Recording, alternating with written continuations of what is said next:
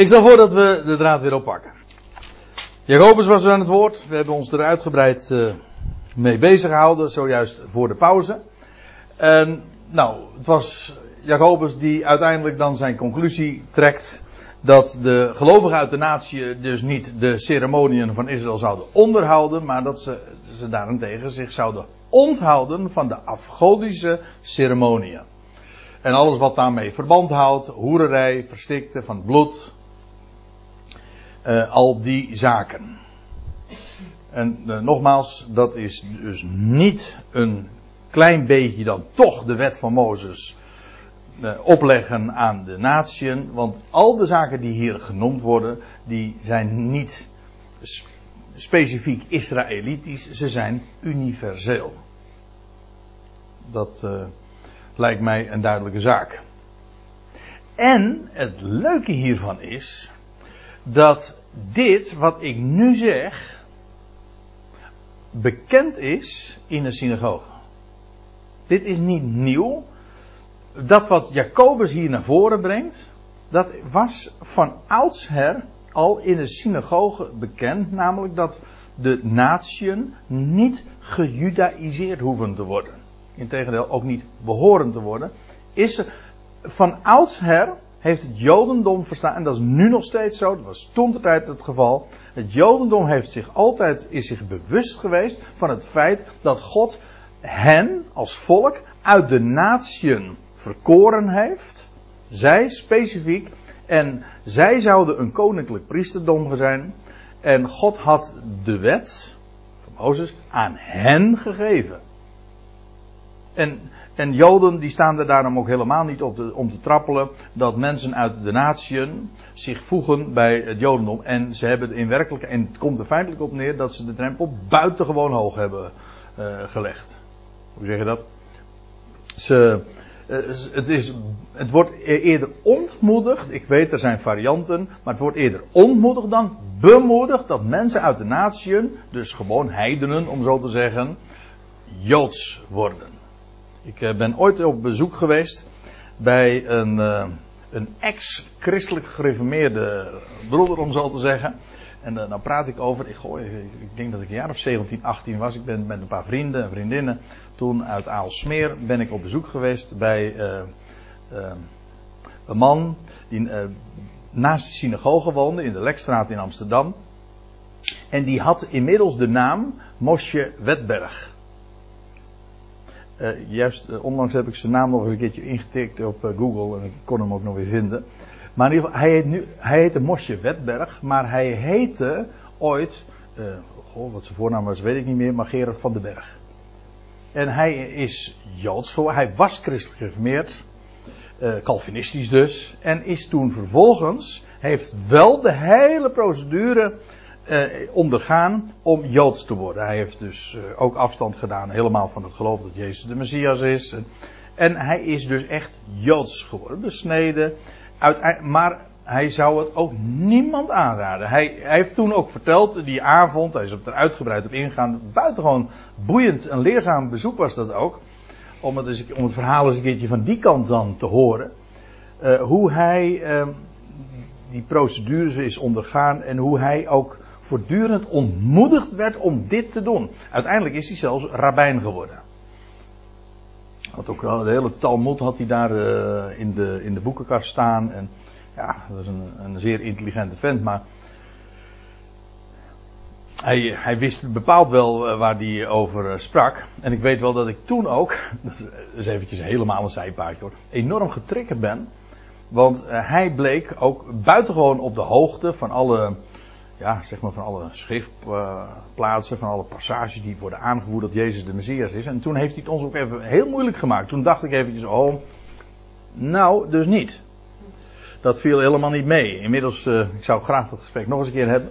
Maar, uh, ja, je denkt soms wel eens een keertje heel hout ten van die gast, die weet helemaal niet waar ze het over hebben. Maar dat was echt niet aan de orde. Waarom vertel ik dit? Wel, uh, het is Jacobus die zojuist naar voren heeft gebracht. De, de natieën niet lastigvallen met de ceremoniën van Israël. Alleen, ze hebben zich onthouden van de afgodische ceremoniën. En nou zegt hij tenslotte dit. Immers, want, ziet u, dat is een, een redengevend voegwoord. Dus nu volgt weer een nadere, het was een conclusie en hij motiveert die, dit vervolgens verder. Immers, want Mozes heeft, en dat is een beetje een rare zin misschien, immers Mozes heeft van oudsher, vanaf generaties van de begintijd, ziet u? Men heeft het vertaald met van oudsher, prima, is een hele vrije weergave, maar van, van begin, vanaf de generaties van de begintijd, in iedere stad die hem prediken. Vraag, wat heeft Mozes? Nou, die hem prediken. Hij heeft mensen um, die, hem, um, die hem proclameren, die hem bekendmaken, die hem ja, prediken. In elke stad. In elke stad heeft hij, mensen, heeft hij mensen die hem prediken. Dat wil zeggen, die de boeken van Mozes, het oude verbond, naar voren brengen. Uh, daar hij elke sabbat in de synagoge wordt voorgelezen. Synagogen waren er natuurlijk niet alleen in het land, wat, wat, dan Palestina of het land Israël genoemd werd, maar ook in het buitenland vele synagogen. We zagen per slotverrekening ook in handelingen 13 en 14 dat, dat Paulus, als ze daar in het buitenland zijn, eerst naar de synagoge gingen. In elke stad waren daar synagogen. Joden waren verspreid toen al onder alle naties. Joden werden overal gevonden en Joden hadden overal zo hun ontmoetingsplaatsen, hun synagogen. En daar, en daar waren mensen die hem uiteraard predikten. En eh, hij wordt, daar hij, Mozes, in de synagoge, wordt hij gelezen. Waarbij je meteen dus ziet dat het hier gaat over de boeken van Mozes. De boeken, dat wat Mozes heeft doorgegeven, of Mozes ook als representant van het oude verbond. Daar staat er eigenlijk Mozes ook voor. Mozes heeft de wet gegeven en door Jezus Christus is de genade geworden. Maar nu is de vraag even, waarom noemt Jacobus dit als argument? Want Mozes heeft van oudsher in iedere stad die een prediker, daar elke sabbat in de synagoge wordt voorgelezen. Waarom noemt hij dit als argument? Het argument is dat Jacobus' conclusie, dat de natie niet lastiggevallen zouden worden met Israëls ceremonie, wel dat komt overeen met wat er in de synagoge gepredikt wordt. Dat komt overeen met wat ook in de boeken van Mozes staat. Die wet van Mozes, de besnijdenis, de ceremonie, de sabbat, dat gaf God aan Israël. De sabbat, dat, je leest het in Exodus 34, wordt het ook expliciet zo gezegd, of Exodus 37, nou blijf er even vanaf, wordt er ook gezegd dat dat een teken was tussen God en het volk Israël, van het, een teken van het verbond. Je leest van de besnijdenis was een teken van het verbond, maar de Sabbat ook. Een teken van zijn verbond met het volk Israël.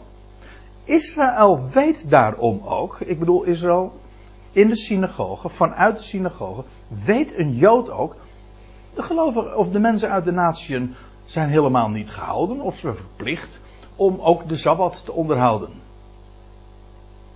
Joden hebben er geen moeite mee, van oudsher gewoon vanuit de synagogen denkend, dat daar dat verschil is. Aan Israël heeft hij dat juk gegeven en niet aan de natie. Dus als Jacobus nu zijn slotwoord spreekt, die hele kwestie is daar geweest, dan, zegt hij van nee, die natieën moeten niet lastiggevallen worden met, onze, met de ceremonie van Israël. Nou, zegt hij, en dan motiveert hij dat. Mozes heeft van oudsher in iedere stad die hem predikt. Dat wil zeggen, dit is in overeenstemming met, met de prediking van Mozes en van het oude verbond in elke sabbat, eh, in elke stad waarin dat al verteld wordt. Dat is eh, ook een motief. Dit is dus geen nieuwe leer. Dit was maar niet een, een particuliere beslissing van, van die club daar in Jeruzalem. Dit was gewoon van oudsher, van de generaties af in de begintijd, was dit al bekend. Of in ieder geval wordt men, uh, werd men geacht dat, dat dat bekend is. Of, en nou ga ik het eventjes moeilijker zeggen met moeilijkere woorden. Het Jodendom, het Judaïsme, dat streeft niet naar een judaïsering van de wereld. Dat wil zeggen om de wereld dus te judaïseren of joods te maken. Nee, zij geloven juist heel sterk in het onderscheid Israël en de natie. De natieën die hebben zich te houden aan, dat noemen ze de, in, de, in het Jodendom de Benei Noach. De zonen van Noach die hebben hun bepalingen. Bijvoorbeeld het onthouden van, nou ja, wat ik het zojuist zei. Dat geldt voor alle, geldt voor alle mensen, dat zijn universele dingen. Als u een beetje bekend bent met het Jodendom, dan, uh, dan, dan kent u de, no, de begrip de Noachitische regels. De Noachitische geboden. De seven. De zeven Noachitische geboden. Nou, dat zijn van die universele dingen. Geen afgodendienst, één God. Waar het op neerkomt, men streeft niet naar judaïsering, verjoodsing van de wereld, van de natieën, maar naar monotheïsering. Sorry voor de wat moeilijke woorden, maar het komt erop neer. Judaïsering wil zeggen dat de natieën juda, gejudaïseerd worden, dat wil zeggen gejoods gemaakt worden. Maar waar het om gaat, is dat alle natieën tot erkenning komen van de ene God. Dat is van belang. Monotheïsering, dat wil zeggen dat zij monotheïsten worden. De ene en enige God leren kennen en dienen. Dat is van belang.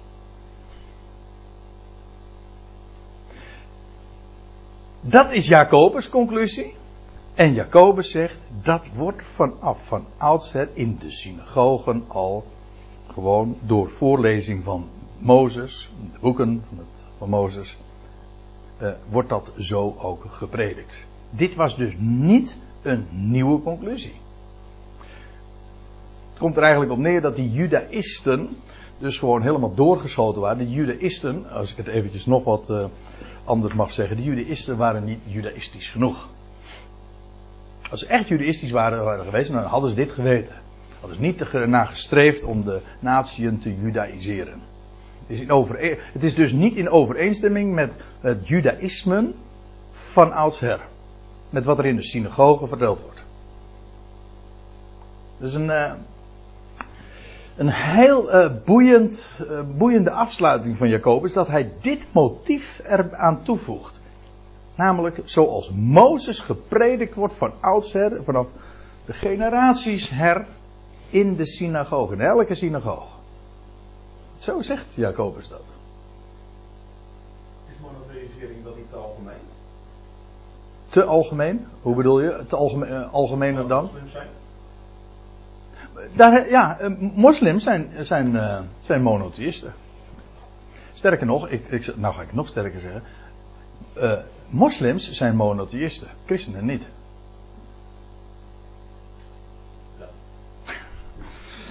Ja, ja, dat wordt altijd zo gezegd. Hè. En dan kom je in Saoedi-Arabië om eventjes het verhaal, om nog even aan te haken bij het gesprekje dat we zojuist in de pauze hadden. En dan ben je christen, en die Saudi, uh, naar Saoedi-Arabië is dat bepaald geen aanbeveling natuurlijk, als je dat dan zegt. Waarom? Omdat christenen in de ogen van een moslim geen echte monotheïsten zijn. Zijn schijnmonotheïsten. Want omdat, de, uh, omdat christenen, die hebben de leer van de drie eenheid, die hebben drie goden.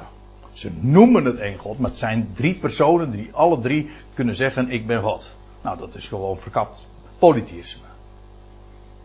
Dus moslims zijn wel degelijk echte monotheïsten. Ja.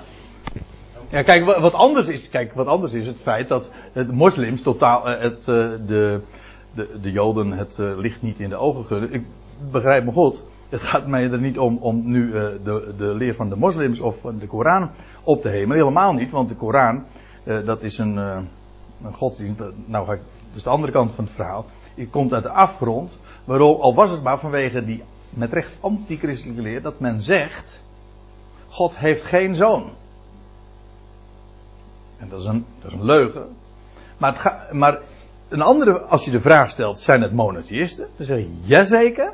In tegenstelling tot de doorsnee christen, is een moslim een echte monotheïst. En sterker nog, dat benadrukken zij heel sterk. de.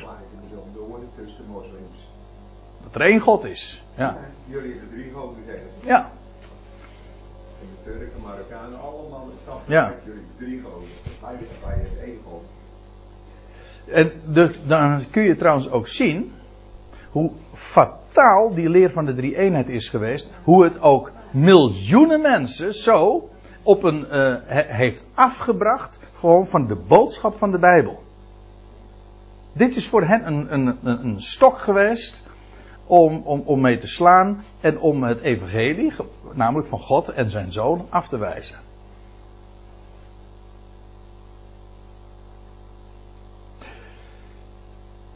Ja, het brengen tot de erkenning van de ene God. Monotheïsme, of ja, monotheos, of eh, dat woord. Ik geloof dat ik, nou in deze context weet ik eigenlijk niet, maar ik heb er wel eens een keer op gewezen. Dat die term komt een aantal keren ook voor in de brieven. Paulus, als Paulus in 1 Timotheus eh 1 ook zegt, als hij dan een lofprijzing, dan zegt hij van ehm, de enige God dan. En dan, dan staat er monotheos. En eh, Judas zegt het ook. De enige God. Monotheos. Eén God. De Heer Jezus zegt in het ogenpriestelijk gebed. Dit nu is het Ionische leven. Dat zij u kennen, Vader. De enige waarachtige God. En Jezus Christus die gij gezonden hebt. Ja, dat zou dan de tweede persoon van de drie eenheid hebben gezegd. Ziet u hoe dwaas dit is? Nou, eh, laten we niet te ver afdwalen. Laten we het ook positief houden. Gewoon eh, ons houden aan de. even blijven bij de, bij de tekst die Jacobus dus uitspreekt. Zo motiveert hij dat. En dan staat er vervolgens, toen besloten de apostelen en de oudsten, dat staat dus te, te sterk gezegd, want er staat eigenlijk, het scheen de uh, afgevaardigde apostelen toe.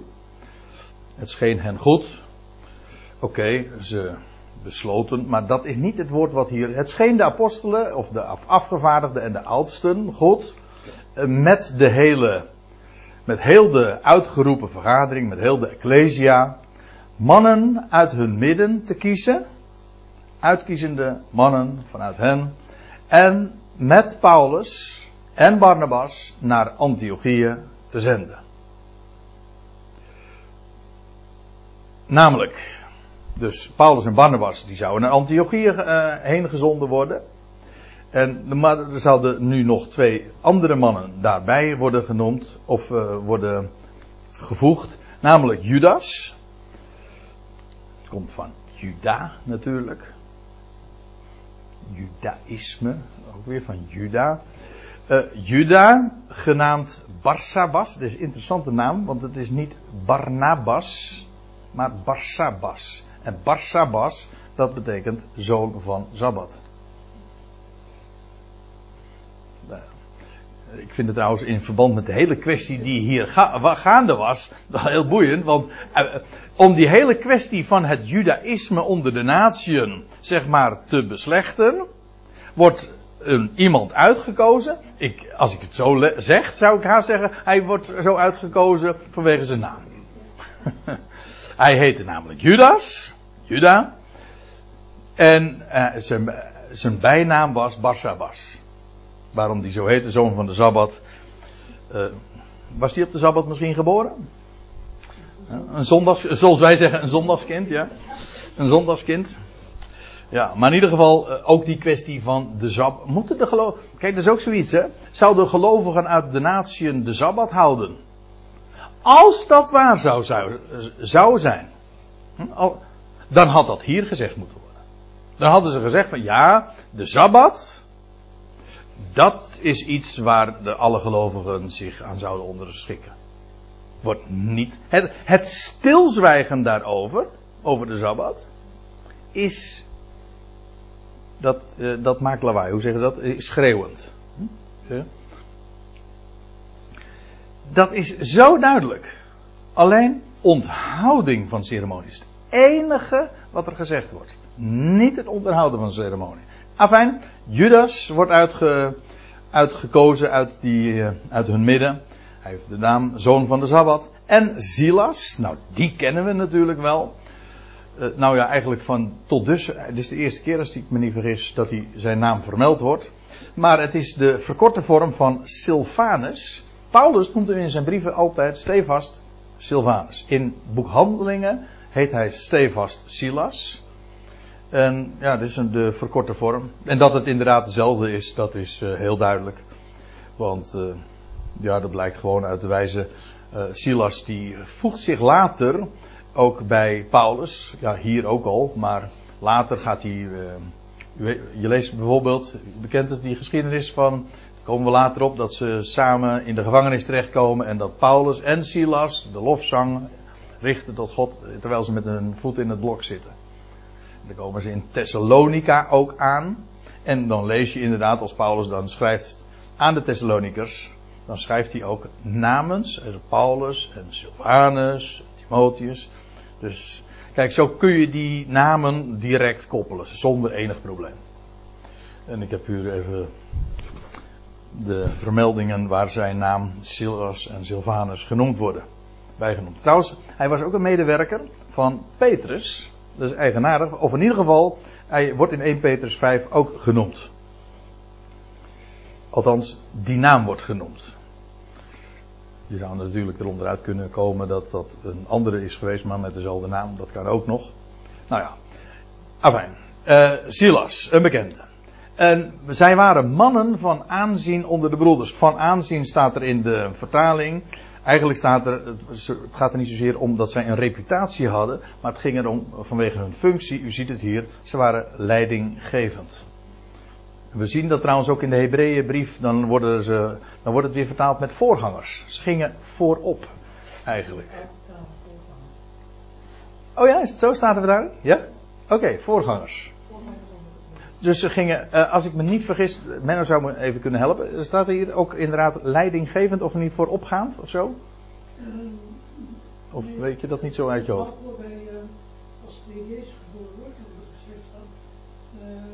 ik, zal leidinggevende geven voor Israël. Dat, dan is dat dit woord. Oké. Okay. Ik, heb, ik heb er even geen concordantie even bij gemaakt. In elk geval, zij waren dus maar niet alleen maar, ze hadden niet alleen maar een, een reputatie daar onder de broeders, maar eh, ze waren daadwerkelijk eh, mensen die leiding gaven. We lezen trouwens eh, later ook in dezezelfde passage, of in hetzelfde hoofdstuk, dat zij ook profeten waren. Woorden Gods spraken. En men schreef door hun bemiddeling, eigenlijk staat er gewoon schrijvende door de hand van hen, en ja, de meest simpele weergave is, uh, of in ieder geval zoals ik dat dan versta, is dat zij deze brief op schrift hebben gesteld. Hm? Door hun hand. Schrijvende door hand van hen. Uh, en men schreef door hun, uh, schrijvende door hun hand. De apostelen, dus hier moeten eigenlijk, zoals wij dat dan weergeven, aanhalingstekens openen. Hier begint het citaat. Dat is de brief, de inhoud dus van de brief. We weten wie, ze, wie, door wiens hand dit is opgetekend. En hier begint dan de brief. De apostelen, eigenlijk altijd eerst de schrijvers, dan de lezers en dan de groet. De apostelen, oftewel de afgevaardigden. De oudsten, de ouderen eigenlijk, hè, uh, uh, als broeders, ja, broeders, en ja, dit is trouwens even een, een verhaal uh, apart. Omdat als u een statenverdaling hebt, als ik me niet vergis, staat er en de broeders. Waarbij de broeders dan nog weer een aparte categorie zijn. Hè? Ja, maar dat staat er niet. Er staat niet en de broeders. Dus de apostel en de oudste, dus zij nemen het besluit. Dus en die zijn degene ook die hier deze brief, of namens hen wordt hier uh, dit opgeschreven. En zij groeten, letterlijk ziet u, een, mooi, een mooie uh, groet hè, zich verheugen. Dat is wat er staat. Hier, zit, hier staat dus ook eigenlijk dat woord waar ons uh, charis, genade, van afgeleid. Dat betekent verheugen. Zoals de Joden shalom zeggen, zo zeggen de Grieken verheug je, genade, blijdschap, vreugde om niet. De broeders uit de natieën en dan worden ze specifiek ook aangeschreven Antiochië, Syrië, Cilicië. Daar dus noordwaarts. Daar, dat waren namelijk ook precies de gebieden waar dit probleem speelde. Waar ook vele gelovigen uit de natieën waren. Aangezien wij gehoord hebben, de brief, uh, goed, dit was de aanhef en hier begint vervolgens die brief. Aangezien wij gehoord hebben dat enige van ons, vanuit ons, uh, dat enige uit ons midden, en eerder zagen we al dat het sommigen uit Judea waren, en in vers 5 wordt er gesproken over enigen uit de partij der Fariseeën. Aangezien wij gehoord hebben dat enigen uit ons midden u met hun woorden hebben verontrust. Er was, kijk, is mooi hè. Ze hadden de God. Ze waren omgekeerd naar de God. En hadden dus rust gevonden. En wat er nu gebeurd was. En dat was niet minder dan God verzoeken. Dat, dat zijn Peters woorden. Er was onrust ontstaan. Doordat men een juk op de hals geplaatst kreeg. Dat, dat Israël zelf niet eens kon dragen. En nu werd het vervolgens geplaatst op de, eh, de nek, de hals van de natie. En dus waren daar, dat waren woorden van onrust, onvrede. En uw zielen, de zielen van jullie, uh, in verwarring, ontmantelende. Ja, dit, dit is waar het van afgeleid is. Ik geef toe dat ik hier niet zoveel van kan maken, maar in ieder geval het idee is dan kennelijk dat ook ommantelen of ondersteboven brengen, dat opwaarts brengen. In ieder geval, het is verwarring, onrust. De zielen van jullie in verwarring of, uh, hoe was het, uh, ontmantelend. Hoewel wij hun niets geboden hadden. We zeggen, de apostelen zeggen hier, dat was niet van onze kant. Er zijn mensen uit ons midden naar jullie toegekomen en die hebben verwarring gezaaid en onrust gebracht. Maar wij hadden hen niets gewaarschuwd. Wij hebben hen niks opgelegd, wij hebben hen niks gezegd. Ze kwamen niet namens ons.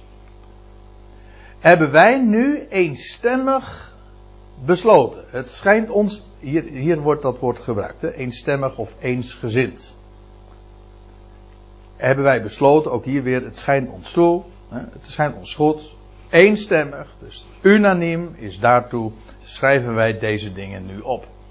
Mannen te kiezen, daartoe hadden zij eh, gekozen, mannen te kiezen, eh, om die tot u te zenden. Eigenlijk het idee is, eh, er waren mensen naar jullie toegekomen, maar die waren door ons niet gezonden. En nu zenden wij wel mensen naar jullie. In tegenstelling dus tot die eerdere delegatie. Hè, sommigen uit de partij de Fariseeën. En met, nou dat waren dus Silas en Barsabas, Judas. Met, samen met onze geliefden Barnabas en Paulus. Geliefden. Mooi. Mensen, waarvan mensen, dat gaat dus over Barnabas en Paulus, die hun leven hebben overgehad, die hun leven hebben overgeleverd. Dat is het woord wat hier gebruikt wordt. Overgeleverd worden aan. Mensen die hun leven hebben overgehad, het is, het is hier dus eigenlijk. Uh, zij hebben zich overgeleverd voor uh, de naam, ten behoeve van de naam van de Heer van ons. Namelijk Jezus Christus. Onze Heer Jezus Christus. Daar hebben zij hun ziel, niet hun leven, maar hun ziel. Feitelijk daarmee ook dus hun bloed. Ik bedoel dat ook letterlijk, figuurlijk. Voortdurend hebben zij hun, hun hals gewaagd. Hè? Tot dusver die ervaring. Hoe was het met Paulus? In Damascus, in Jeruzalem. En vervolgens die, zending, die, die reis daarin nou, die we hebben gevolgd. Voortdurend werden ze vervolgd en hun gestenigd. Zijn ze, is die nog één keer. En, en dan zijn we nog maar, hal, we zijn nog maar eigenlijk halverwege het boek Handelingen. Hoe vaak zou dit nog niet gebeuren? Zij hebben hun ziel overgeleverd aan de Heer van ons, Jezus Christus. Dat wil zeggen, het ging totaal niet om henzelf. Petrus, later zegt Paulus ook van, ik tel mijn leven en ik acht het niet kostbaar. Het gaat mij slechts om de, de, de loopbaan te voleindigen die de Heer mij heeft gegeven. Zijn woord doorgeven. Dat is wat hij gedaan heeft. Dat was geen theorie, dat was gewoon zijn dagelijkse praktijk. Eén ding was voor hen van belang. En daar had hij zich compleet aan overgeleverd. Aan deze naam, de naam van onze Heer. Namelijk Jezus Christus. Ja, en ik heb even overwogen om misschien handelingen 15 te completeren vanavond, maar dat gaat me dus niet meer lukken. En uh, ik denk dat we er goed aan doen om nu hier halt te houden bij vers 27. Daar pakken we dan over drie weken. Deo Volente uiteraard de draad dan weer op. En dan, uh, dan maken we wel het hoofdstuk 15 uh, eh, af. Ik zie dat het toch nog wel een aantal versen zijn hoor. Tot en met vers 40. Ja. Maar dat, gaan we, dat moet gaan lukken. Ja? Zullen we het hierbij laten? Dan zal ik nog afsluiten met dankgebed. Trouwe God en Vader, we danken u dat we hier vanavond zo bij elkaar mochten zijn. Alle rust. Uw woord mochten overwegen. Lezen wat er staat geschreven. Zo dicht als mogelijk bij de bron. En we danken u dat die bron zo zuiver is. We danken u dat wij als gelovigen uit de natie een volk mogen zijn voor uw naam. Die ene God. De ene God mogen kennen. Mogen dienen in ons leven. In alle rust. En zonder juk, zonder ceremonie. Maar wat een rijkdom van uw woord mogen we kennen. En Heer, het is nogmaals de bede van ons hart. Verlicht onze ogen, zodat we het werkelijk ook diep van binnen ons bewust zijn en beseffen, realiseren hoe geweldig rijk we zijn in het kennen van u en de rijkdommen van uw woord. We dragen ons bij u op. We danken u dat we voor uw rekening zijn. Dat u voor ons zorgt, dat u geeft wat we nodig hebben. En dat er nog zo'n geweldige, schitterende toekomst voor ons is weggelegd. En uiteindelijk zelfs voor heel uw schepping.